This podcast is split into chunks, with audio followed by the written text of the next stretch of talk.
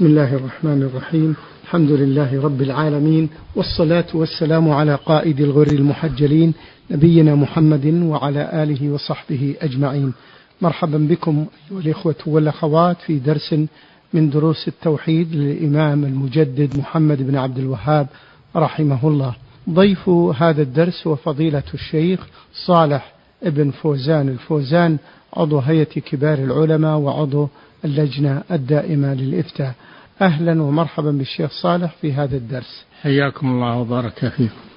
قرأنا ما جاء في باب آه، الاستسقاء بالأنواء وبقي هذا الحديث عن زيد بن خالد الجهني رضي الله عنه قال صلى لنا رسول الله صلى الله عليه وسلم صلاة الصبح بالحديبية على إثر سماء كانت من الليل فلما انصرف أقبل الناس أقبل على الناس فقال هل تدرون ماذا قال ربكم؟ قالوا الله ورسوله أعلم. قال أصبح من عبادي مؤمن بي وكافر. فأما من قال مطرنا بفضل الله ورحمته فذلك مؤمن بي كافر بالكوكب. وأما من قال مطرنا بنوء كذا وكذا فذلك كافر بي مؤمن بالكوكب. بسم الله الرحمن الرحيم. الحمد لله رب العالمين. صلى الله وسلم على نبينا محمد على آله وأصحابه أجمعين. لا يزال الكلام والأحاديث في باب الاستسقاء بالأنواء. عن زيد بن خالد الجهني رضي الله عنه قال صلى لنا أي صلى بنا رسول الله صلى الله عليه وسلم صلاة الصبح يعني الفجر بالحديبية وهي مكان قريب من مكة عند التنعيم وعام الحديبية معروف حيث إن الرسول صلى الله عليه وسلم وأصحابه جاءوا يريدون العمرة. جاءوا يريدون العمرة. فصدهم المشركون عن أداء العمرة. صدوهم عن العمرة. ثم حصل تفاوض بين المشركين وبين الرسول صلى الله عليه وسلم على أن يرجع هو وأصحابه هذا العام وأن يأتوا للعمرة في العام القادم. تم الصلح على ذلك. فنحروا هديهم و ورجعوا حلوا من إحرامهم لأن هذا من الإحصار هذا يعتبر من الإحصار. فإن أحصرتم وأتموا الحج والعمرة لله فإن أحصرتم فما استيسر من الهدي. حلوا من إحرامهم وذبحوا هديهم في الحديبية ورجعوا إلى المدينة. صلى لنا رسول الله صلى الله عليه وسلم صلاة الصبح بالحديبية على إثر سماء على إثر أي بعد نزول مطر. السماء المراد به المطر. سمي سماء لأنه نازل من السماء. على إثر سماء كانت من الليل من ليلتهم التي صلوا في صبيحتها صلاة الفجر.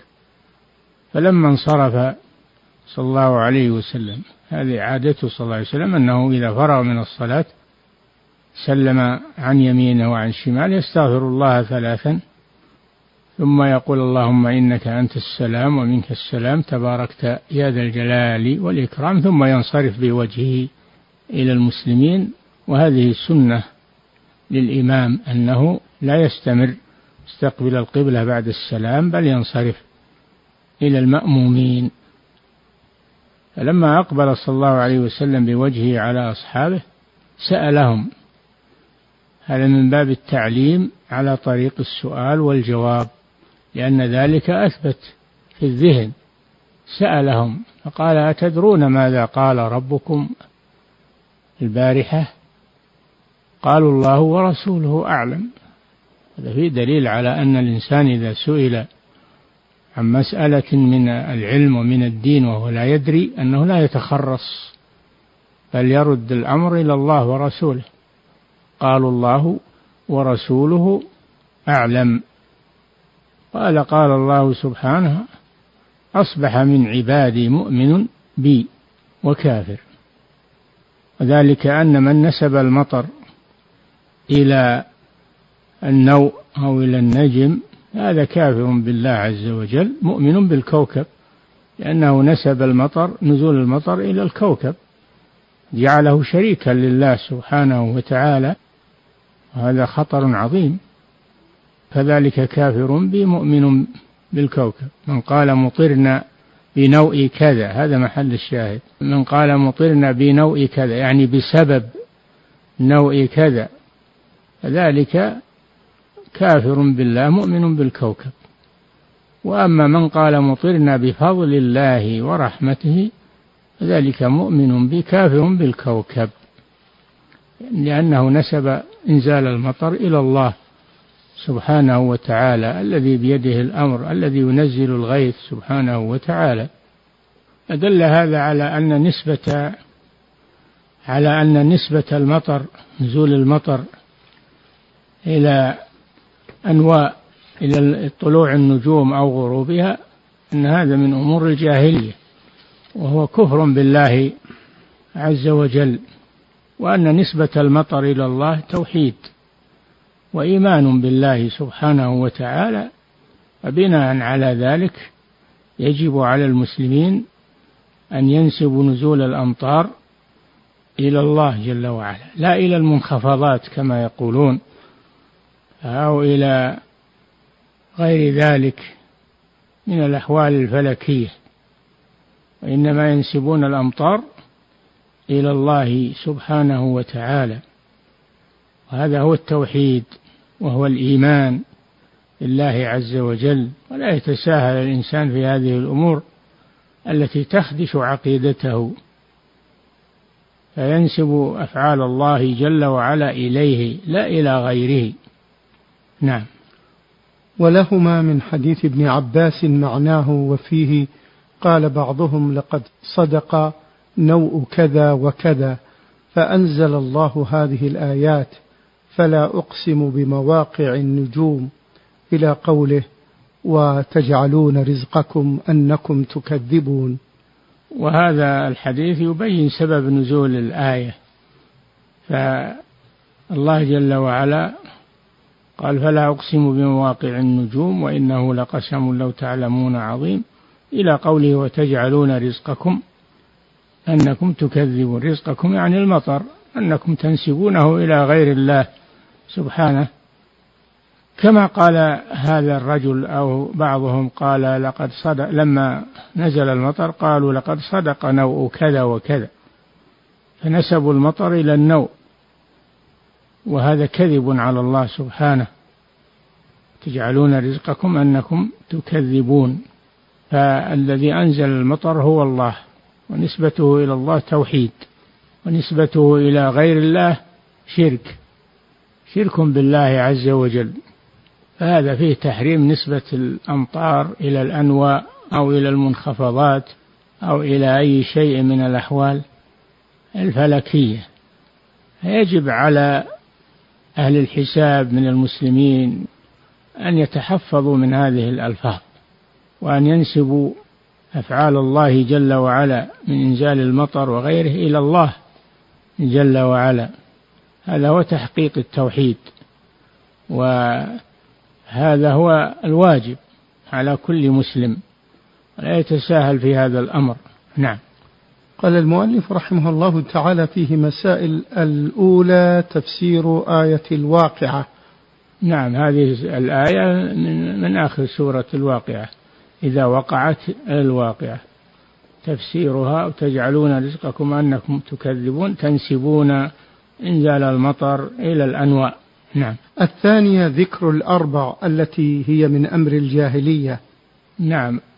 طعن في الأنساب والفخر في الأحساب.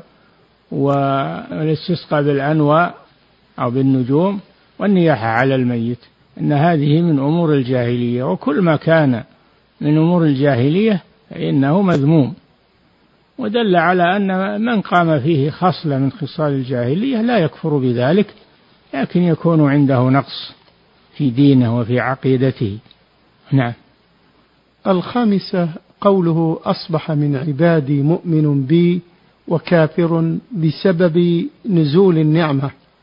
نعم من نسب النعمة إلى غير الله نسب حصول النعمة إلى غير الله ذلك كافر بالله لأنه نسب أفعال الله إلى غيره وهذا كفر بالله عز وجل. نعم. السادسة التفطن للإيمان في هذا الموضع. أصبح مؤمن بي وكافر تفطن للإيمان والمحافظة عليه من هذه الألفاظ ومن هذه المصطلحات الجاهلية. وفيه على عوائد الناس وفيه الحث على تعلم العقيدة تعلم العقيدة التوحيد وتعلم أيضا ما يخدش العقيدة. كما تتعلم التوحيد وتعرف أنواعه وتعرف أيضا تتعلم معنى الشرك وأنواع الشرك. الذي هو ضد التوحيد حتى تتجنبه.